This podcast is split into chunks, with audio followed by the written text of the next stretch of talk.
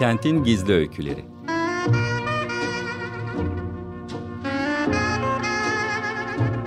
Kentin isimsiz kahramanları ve ilham veren yaşamları.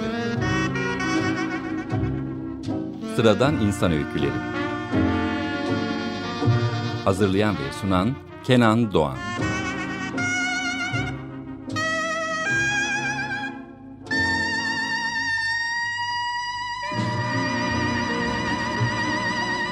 Kentin Gizli Öyküleri programından sesimizin ulaştığı her yere, herkese merhaba. Ben Kenan Doğan. İki haftada bir salı günleri saatlerimiz 16'yı gösterdiğinde açık radyo mikrofonlarından sizlerle buluştuğumuz ve gerçek yaşamdan insan öykülerini, ilham veren yaşam öykülerini, şehirlerimizin, sokaklarımızın arasında saklı kalmış gerçek yaşam öykülerini sizlerle paylaştığımız Kentin Gizli Öyküleri programı başlıyor efendim. Hoş geldiniz programımıza. Her programda ülkemizin, dünyamızın farklı coğrafyalarından konuklarımız oluyor. Konuklarımız yaşam öykülerini bizlerle paylaşıyorlar. Ve ilginç yaşam öykülerini hep beraber tanıklık ediyoruz. Onların yaşam öykülerinden çıkarttıklarıyla, bizlerle paylaştıklarıyla bizler de onların anlattığı bu serüvene ortak oluyoruz. Ve her programda çok değerli isimleri ağırlamaktan yana biz çok mutluyuz. Bugün de yine uzaklara gideceğiz. Ta Şanlıurfa'ya gideceğiz. Şanlıurfa'dan değerli bir konuğumuz var. Konuğumuz Çerkez Korkmaz. Çerkez Bey hoş geldiniz programımıza. Hoş bulduk Kenan Bey. Çok teşekkür ediyoruz. Programımıza katılmayı kabul ettiniz. Yaşam öykünüzü paylaşmayı kabul ettiniz. Çok mutlu ettiniz bizi. Çok sağ olun. Biz de mutlu olduk. Sizi bizi böyle tercih etmeniz, bizi e, kendi programınıza katmanızdan dolayı biz de sizin adınıza çok teşekkür ediyoruz. Biz o, o memnuniyet, mutluluk bize ait. Biz bir kere daha teşekkür edelim ve aslında şöyle Şanlıurfa'da e, bir akşamüstü e, Şanlıurfa'da Balıklı Göl civarında e, yolumuz Çerkez Bey ile kesişti, karşılaştık ve kendisi anlatmaya başlayınca dedik ki muhakkak kentin gizli öykülerine konuk olmalı ve Çerkez Bey'in yaşam öyküsünü dinleyicilerimizle paylaşmalıyız. Onlar da kendisini yakından tanımalı. Dolayısıyla da bugün sağ olsun kendisi konuk oldu. O zaman Kentin Gizli Öyküleri programının klasik ilk sorusudur efendim. Bütün konuklarımızla hikayeyi böyle anlatmaya başlıyoruz. Çerkez Korkmaz'ın yaşam öyküsü nerede, ne zaman, nasıl başladı? Şimdi ben 1964 yılında dünyaya geldim. Şanlıurfa Merkez Yeni Mahalle evet. mahallede. Ben 3 evli bir babanın 22 çocuğu olan bir babanın ilk hanımından en küçük çocuğuyum. 22 kardeş. Ve benim annem evet 22 çocuğu var benim babam. 23 hanımdan 22 çocuk. Şimdi benim annem babamın ilk hanımı olması nedeniyle bir de akraba evliliği benim babamla annem. Benim annem ilk etapta 3 erkek çocuk dünyaya getiriyor. Üçü de ölüyor. Ardından kız çocukları oluyor. İki tane, üç tane kız çocuğu oluyor. Erkek çocuk olmuyor. Sonunda bir abim oluyor annemden. Annemin yaşı geliyor 45'e dayanıyor bir oğlum daha olsun diye düşünerekten beni dünyaya getiriyor. Ne oldu? Ben gözümü dünyaya açınca benim babamın üç hanımı var. Ama her annemle ne çocukları var babamın tabii ki. Kalab- ben üç anneli bir ailenin çocuğuyum. Kalabalık bir aile. Evde. Evet kalabalık bir aile. De- 11 yani çocukların 10, 22 çocuğun sıralamasına bakacak olursak 11. sıradayım. 11. sırada dünyaya geldiniz. Gözünüzü açtınız. Evet. Kalabalık bir ailenin evet. içerisindesiniz. En... Şanlıurfa'dasınız. Evet. Peki o yıllarda dünyaya gözlerinizi açtığınız, hatırladığınız çocukluğunuza dair en eski anılarınızdaki Şanlıurfa nasıldı? Doğup büyüdüğünüz yer nasıldı? Biraz Şanlıurfa'mız çok şirin bir yerdi. Eskiden trafik bu kadar yoğun değildi. Ee, yollar çok düzgün değildi. Ara sokaklarımız çok öyle ahım şahım değildi. Binalar yoktu. Avlulu evler vardı. Misal her e, bir e, bir avlulu evde altı odalı olduğunu varsayın. Bir avlulu evde altı odalı. Her odada bir aile ikamet ederdi. Yani altı aile bir avlulu evde ikamet etmiş olurdu. Her aile bir odada evet. olmak üzere. Bizim yaşam tarzımız bu şekildeydi. Lüks yoktu. Herkes fakirdi, dar gelirliydi. Ama insanların gönlü zengindi. Misal insan bir biri evleneceği zaman şimdiki gibi böyle ev aramaya, yok yeni ev lüks ev almaya, yok dolap, buzdolabı, yok çamaşır makinesi, yok öyle bir şey. Eskiden fakirlik vardı. Bir gözlü odada, bir gözlü odayı hem mutfak olarak kullanıyorduk annemiz. Hem banyo olarak bizi bizim odalarımızın içerisinde e, kapının girişine biz geremek derdik. Evet. Geremek. Yani evin biraz alçak oluyor odaya nazaran. Evin giriş kapısı ayakkabılar oraya soyulur. Misal. E, diyelim ki annemiz bizi o avlulu yerde e, kapının arkası oyuk. Taş, taştan oyuk. Eskiden gaz ocağı denilen şey vardı. Tüp gaz yoktu. Evet. Gaz ocağı. Gaz, pompalı gaz ocağı. E, ve annemiz onunla yemek yapardı. Kapının arkası bu o, oyuktu. Orayı mutfak olarak kullanırdı. Yemeği, tencereyi orada kaynatırdı. Yani evin içerisinde mutfak vardı. Odanın içerisinde. O şekilde varsayalım. Evet. Odanın içerisinde banyomuz kapının eşiğiydi. Yani ayakkabımızı soyup çıkardığımız yerde. Annem leğeni koyardı. Başımızı sıcak suyla ka- gaz ocağında kaynattığı suyla bizi yıkardı. Aslında bir göz oda odanın içerisinde mutfağı da banyoyu da bütün yaşamı da Evet. her aile o evet, odanın yatak içerisinde odamız görüyor. da orasıydı. Misafirhanemiz de orasıydı. Peki Çerkez Bey siz, ço- siz çocukken o, ça- o dönemlerde ne yapardınız? Hatırlıyor musunuz? Nasıl bir Çocuklar, çocuktunuz? çocuklarla arkadaşlarımızla oyun oynardık. Şimdiki gibi telefon yoktu. Oyun oynardık. Ebe saklama, göz yumaca, kendi atlama. Evet. e, diyelim ki e, yani çocuk hani küçük çocuklar hani okulda oyun oynarlar ya beden eğitimi ders yaparlar. Evet. O tarz o tarz oyunlar oynardık biz Peki siz küçükken. büyüdünüz, okula gitme imkanınız oldu Top mu? oynuyorduk. Evet mahallede top oynardık. Hı hı. Yani bu şekilde yaşantımız inan ki şu anki yaşantıyı tercih etmiyorum ben çocuklarımızın yaşantı tarzını. Telefon ellerinden düşmüyor. Oyun ellerinden düşmüyor. Ne yazık ki. Yani çocuklar oyuna yönelmiyor. Arkadaşlık bağı yok. Hep telefonla başlıklar. Peki Çerkez Bey Yani- siz sonra neler yaptınız? Evet. Okul hayatınız oldu mu? Okula gidebildiniz mi? Okula hayatım oldu. 7 yaşına gelince okula başladım. Okul hayatıma başladım. Evet. Okuluma gittim. İlk 5 yılımı mahalledeki Cumhuriyet İlköğretim Okulu'nda okudum. Sonra neler Ve yaptınız? ardından ortaokul ortaokula başladım. Atatürk Ortaokulu denilen bir okulumuz var Urfa merkezde. Orada 3 yıl okudum. Okulu bitirdim. Benim annem 61 yaşındayken rahmetli oldu. Annem 45'inde beni doğurdu. Evet. başınız sağ olsun. 61'inde rahmetli oldu. Sonrasında Ve ben e sonrasında abim askerdi. Benim annemden olan abim askerdi. Ablalarım evliydi. Ben gözümü açınca ablalarım her üçü de evliydi. Kocaları vardı, çocukları vardı. Yani ablamın e, en büyük ablamın çocuğu benim kadar desem yeridir. Yani yeğenim benim kadar. Annemin en küçük çocuğu olduğum için, annem beni 45'inde doğurduğu için, ablalarım evli olduğu için.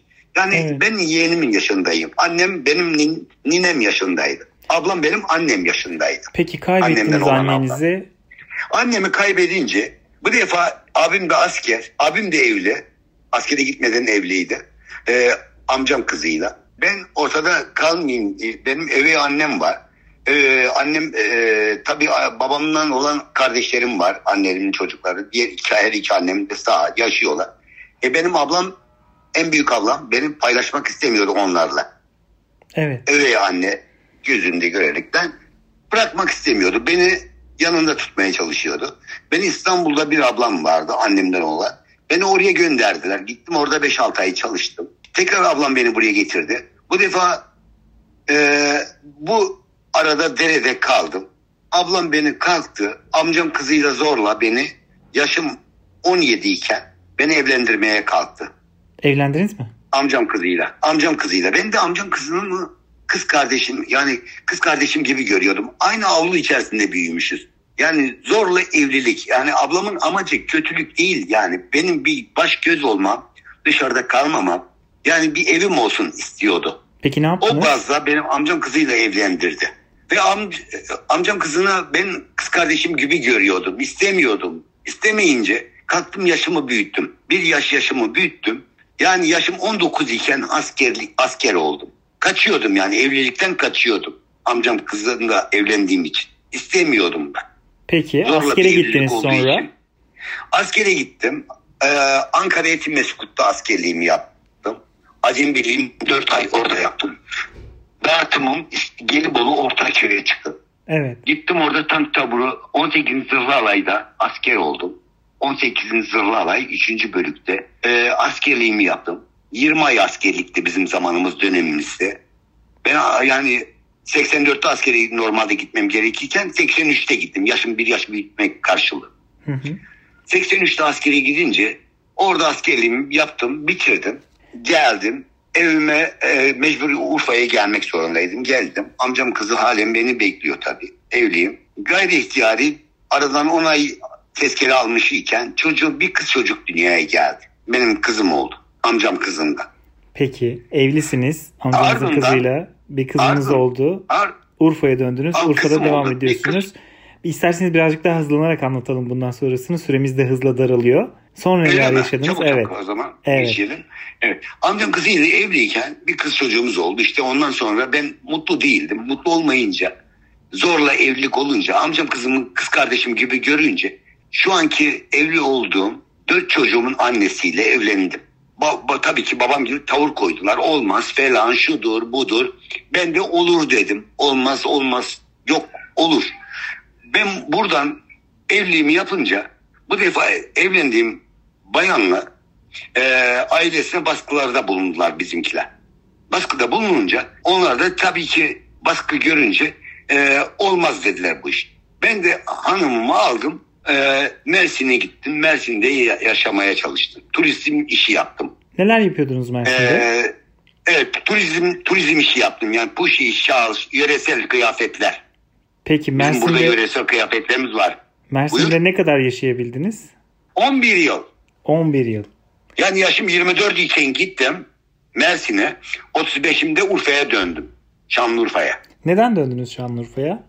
Şanlı yani memleket işte toprak çekiyor bizi. Babam da öldü rahmetli oldu o arada. Peki Şanlıurfa'ya dönünce... Şan... 95'te öldü. 95'te ölünce ben de 99'da Urfa'ya geldim. Peki Şanlıurfa'ya gelince ne iş yapmaya başladınız? Heh, geldik buraya işte. En önemli nokta bura. Geldik. Evet. Benim bir arkadaşım vardı. Bu Urfa'da şu an piyasada isot adı altında satılan Türkiye genelinde hani marketlerde, bakkallarda, piyasalarda pul biber diye satılan fabrikasyon yan sanayi ürünler çakma isot diyoruz biz onlara. Çakma isotları Maraş'tan gidip arkadaşlarım getiriyordu. Piyasadaki bakkallara dağıtıyordu. Yani birazcık, dedi, biraz, bana biraz açalım oldu. bunu olur mu ee, Çerkez Bey? Şöyle e, evet. bizim aslında Türkiye genelinde pul biber diye bildiğimiz Urfa'da ve bölgede daha çok isot denilen e, bildiğimiz Hayır, biberi. değil işte çakma isot. Evet. Gerçek isot Urfa'da satılmaz. Evet. Gerçek, Gerçek isot Urfalıların kültürü olandır. Evet. Evlerde yapılandır. Ev, evlerde yapılır satılmaz. Az sonra onu daha detaylı anlatacaksınız ama hani isot biberi olarak evet. bilinen biber aslında o dönemde siz bunu e, gelip bu işe başlarken Kahramanmaraş'tan getiriliyordu ve aslında o isot değildi. E, dolayısıyla, gerçek isot değildi. Gerçek isot, isot değildi. Dolayısıyla biz ona çarşı isotu diyoruz. Çarşı isotu. Evet ama Urfalılar yemez onu. Urfa'da meşhur olduğu için ve turistik bir değeri olduğu için isot adıyla o pul biberi satıyorlardı. Heh, o satılıyordu piyasada evet. Siz bunu gördünüz ben neler o, oldu? Evet benim arkadaşım o işi yapıyordu. Bana dedi gel bana ortak ol. Senden para benden iş dedi. Olur dedim. Ben de para verdim. Ortak olduk. Beraber çalıştık. 5 yıl böyle çalıştık bu arkadaşla. Maraş Urfa, Urfa Maraş. Haftada 5 ton mal getiriyorduk Urfa'ya. Tüketiyorduk. Depoya koymaya gerek yok. Sipariş alıyorduk esnaflardan. Kime esnafa 300 kilo, kime esnafa 200 kilo, kime esnafa 100 kilo, kime esnafa 400 kilo. Bu şekilde dağıtım yapıyorduk. Yani Kahramanmaraş'tan pul biber alıyorsunuz. Urfa'da e, dağıtıyorsunuz, satışını yapıyorsunuz. Böyle devam ediyorsunuz. Kahramanmaraş'tan aldığınız pul biberler Urfa'da satılıyor. Ba- bakkallara dağıtım yapıyorduk. Bakkallarda bizden alınan gıda boyasıyla e, boyanıp rujlanan kırmızı, siyah, mor renklere boyanıp da rujlanarak yani renk olarak Urfa isotunu anımsatma bir rengine dönüştürülerek piyasaya dağıtılarak piyasada da Urfa'ya gelen misafir konuklarımıza Urfa isotu adı altında satılmaya çalışılıyordu. Peki. Ve ardından bir Urfalı olarak 5 yıl bu işi yapmanın ardından arkadaşlarıma dedim ki ben bu işi yapmayacağım. Günah yazık bana yakışmıyor. Ben yapmıyorum dedim. Ne yaptınız ben peki? Sizden ayrıl Evet ayrılacağım dedim. Dedim ben gittim ticaret sanayi odası sanayi odamıza gittim ve oradaki yetkililerle görüştüm. Evlerinizde yapılan yöresel isot dediğiniz isottan dinleyicilerimize birazcık bahsedelim mi? E, yani şunu söylemeye Tabii çalışıyorum. E, pulber dediğimiz şey ne? Isot dediğimiz şey ne? Ve siz bu evet. Kahramanmaraş'tan getirilen isot diye evet, satılan evet. ama aslında gıda boyasıyla rengi verilen daha koyu renge evet. taşınan biberi orijinaline aslında uygun üretmeye karar verdiniz. Aslında uygun nasıl üretiliyor? Hızlıca zamanımızda da evet. Sizden bunu dinleyelim. Evet. Gıda boyasıyla boyanan, boyanarak rujlanıp Urfa isotunu anımsatan e, fabrika yapımı biberlerin piyasada yani halk e, Urfa'ya gelen misafir konuklarımız Urfa isotuyla ünlü olduğunu duyuyorlar, biliyorlar, işitiyorlar. O nedenden dolayı Urfa'ya gelmişken evimize 2-3 kilo alıp götürelim diye düşünüyorlar. Ve aldatılıp kandırılıyorlar. Piyasada aldatılıp kandırılıyorlar kişiler. Halbuki Urfa isotu Urfa'da Urfa halkının kültürü olandır. Urfa'da yetişen dünyada eşine rastlanmayan farklı bir tür biberin ismidir. Yani Türk halkı nasıl ki Türkiye ve dünyanın her yerine yetişen biberi biber diyorsa biz Urfalılar da Türk halkının bildiği Türkiye ve dünyanın her yerine yetişen bibere biz de biber diyoruz. Ama isot denilen şey bilinen biber çeşidi değil. Urfa topraklarında yetişen, dünyada eşine rastlanmayan, buranın havası, buranın suyu, iklimi, koşulu olmayınca yetişip bitmeyen farklı bir biber türü. Urfa'da yetişen farklı bir biber türü. Yani şekli e, eğik büyük, algın çalgın, burunlu tiplerde olur. Evet. Biz Urfalılar Urfa yetişen bibere isot diyoruz. Gerçek isot Urfa'da yetişen biberle yapılan isottur. Isot dediğimiz isotlarla yapılır evlerde. Ama e, fabrikasyon biberler e, küçük e, Maraş bölgesinde genelde yetişen e, küçük e, kağıt gibi ince kendi dalında kuruyarak yetişen farklı bir biber türü ile yapılan bir biber Peki siz dediniz ki aslında uygun ben bunu e, üreteceğim ve Urfa'da evet. Evet. Şimdi orayı da orayı da soracağım size. Müsaade ederseniz şunu söylemeye çalışıyorum. Evet. Siz dediniz ki aslında uygun bunu üretmem lazım. Yani sadece Urfa'da yetişen, Urfa'nın toprağında, ikliminde yetişen bir biber türü ve bu biber türünden yapılan bibere isot deniyor. Ve bunu üretmek için de evet. Urfa'da üretimde farklı bir yöntemle ilerleyelim dediniz. Kadınlara iş imkanı yaratmak. İstihdam sağlayarak. İstihdam sağlayarak. Evet. Nasıl yaptınız? 3000 kadına istihdam sağlayarak 3000 kadına son 20 yıldır burayı aç, ben iş yerimi açtım. 20 yıl oldu. 2003'ün sonuydu. 2003'ün yani 11. ayından bu evet. yana ben hizmet veriyorum Türk halkına. 3000 kadınımıza istihdam sağlayarak. Bu kadınlar Ve, evlerinde e, biberleri üretiyorlar. Size aslında uygun Urfa'nın kültürünü... Hayır Ben ham madde evlerini ham... götürüyorum. Onlar zengin değiller ki. Peki. Ham maddelerini ben evlerine götürüp onlara işletiyorum. İşletme ücretini veriyorum. Günlük yemeği veriyorum onlara. Nasıl işliyorlar? İşleme dediğiniz nasıl bir süreç? İşleme şöyle. Biz Urfalılar evlerimizde halkımızın kültürü demiştim ya gerçek isot. Evet. Herkes kendi isotunu kendi evinde yapar. Şöyle her aile Urfa'da aslında normalde 500 kilo, 800 kilo, 1000 kilo alan da var. Zaten isot biberi Urfa'da alınınca 500 kilo alınınca 5 kiloda her, 5, her 15 kiloda 1 kilo kuruyunca elde kalır. Yani canlı iken 15 kilo isot biber doğal damda doğal organik güneşte kuruyunca 15'te 1 kilo kalır. 15 kiloda 1 kilo. Evet. Ona göre düşünün artık. 5 kilo kurutan bir ailenin eline kaç kilo kalır? Dolayısıyla çok fazla bibere ihtiyacınız var. Siz biberleri sağlıyorsunuz. Ee, kadınlar evlerinde evet. bu biberleri kurutarak o, pu- bana çalışıyorlar, işliyorlar, isot- isotumu yapıyorlar. Evet. İsot oluyor. Yalnız isot yapmıyorlar bana. Bir de isot reçelimiz var biz. Biz salçaya da reçel deriz. Aynı zamanda isottan salça da yapıyorsunuz. Peki süremiz evet. çok azaldı. Bundan son 10 e, ben iş yerimi açmanın ardından teşhir patentini de almış oldum. Evet. E, evet ve ardından e, teşhir markamı almanın ardından her Urfa'ya gelen misafir konuklarımız mekanımıza gelip bizi görmek, bizden ürün almak isteyen, kadınların evlerde gerçek yöresel kültürümüz olan isot reçelimizi, isotlarımızı, yaban nar eşkimizi alınca, almaya kalkınca biz onlara Adanze'yi evlerde yapım aşamasını anlatarak, anlatırken onlara yaşatarak, yaşatırken onlara sevdirerek bu şekilde e, Urfa'da bir nam saldım. Bana isot profesörü dendi. Evet. İSOT profesörü evet. diyorlar size ve dediğiniz gibi de dükkanlarınıza giren e, bütün konuklara aslında siz sadece ürün satmıyorsunuz. Nasıl üretildiğini, hangi aşamalardan geçtiğini, anlatarak, kadınların evlerde neler yaptığını söylüyorsunuz ve her yıl 3000 kadına istihdam yaratıyorsunuz. İstihdam sağladık. İSOT'u e, evet. işlemeleri üzerine. Peki artık programımızın evet. sonuna doğru geldik. E, Çerkez Korkmaz'ın bundan sonraki yaşam öyküsünde e, geleceğe dair planları nelerdir? Neler yapmayı düşünüyorsunuz? Bundan sonra neler yapacak İSOT profesörü? Evet. Evet. Şu an beni Türkiye'de 50 milyona yakın insan tanımakta. İSOT profesörü deyince e, Google'da, YouTube'da beni her türlü bulabilir insanlar. Google'a, YouTube'a İSOT profesörü yazınca ben karşılarına evet. çıkacağım. Çıktığım programları görebilecekler, videolarımı izleyebilecekler insanlar. Evet. E, merak edenler. Evet. Zaten Türk halkı beni 50 milyon insan tanımakta ve dünyada dünyada da beni tanınmak istiyorum ve bundan sonra da tanınacağıma da eminim. Dünya e, sizi ve sizin gibi böyle değerli insanlar bizi konuk edince evet. e, bizi Türkiye'ye tanıtmanın ardından dünyaya açılacağımıza da eminim ben. Çok ee, teşekkür ederim sonraki... Çerkez Bey. Siz ben teşekkür ediyorum. İSOT'u Türkiye'ye tan- tanıtıyorsunuz. Aynı zamanda dediğiniz gibi dünyaya da eminim isminiz ulaşacak. İnsanlar sizi tanıyacak. Siz... İnşallah ülkemize para kazandıracağız. Dolar döviz kazandıracağız. Umarım. İnşallah.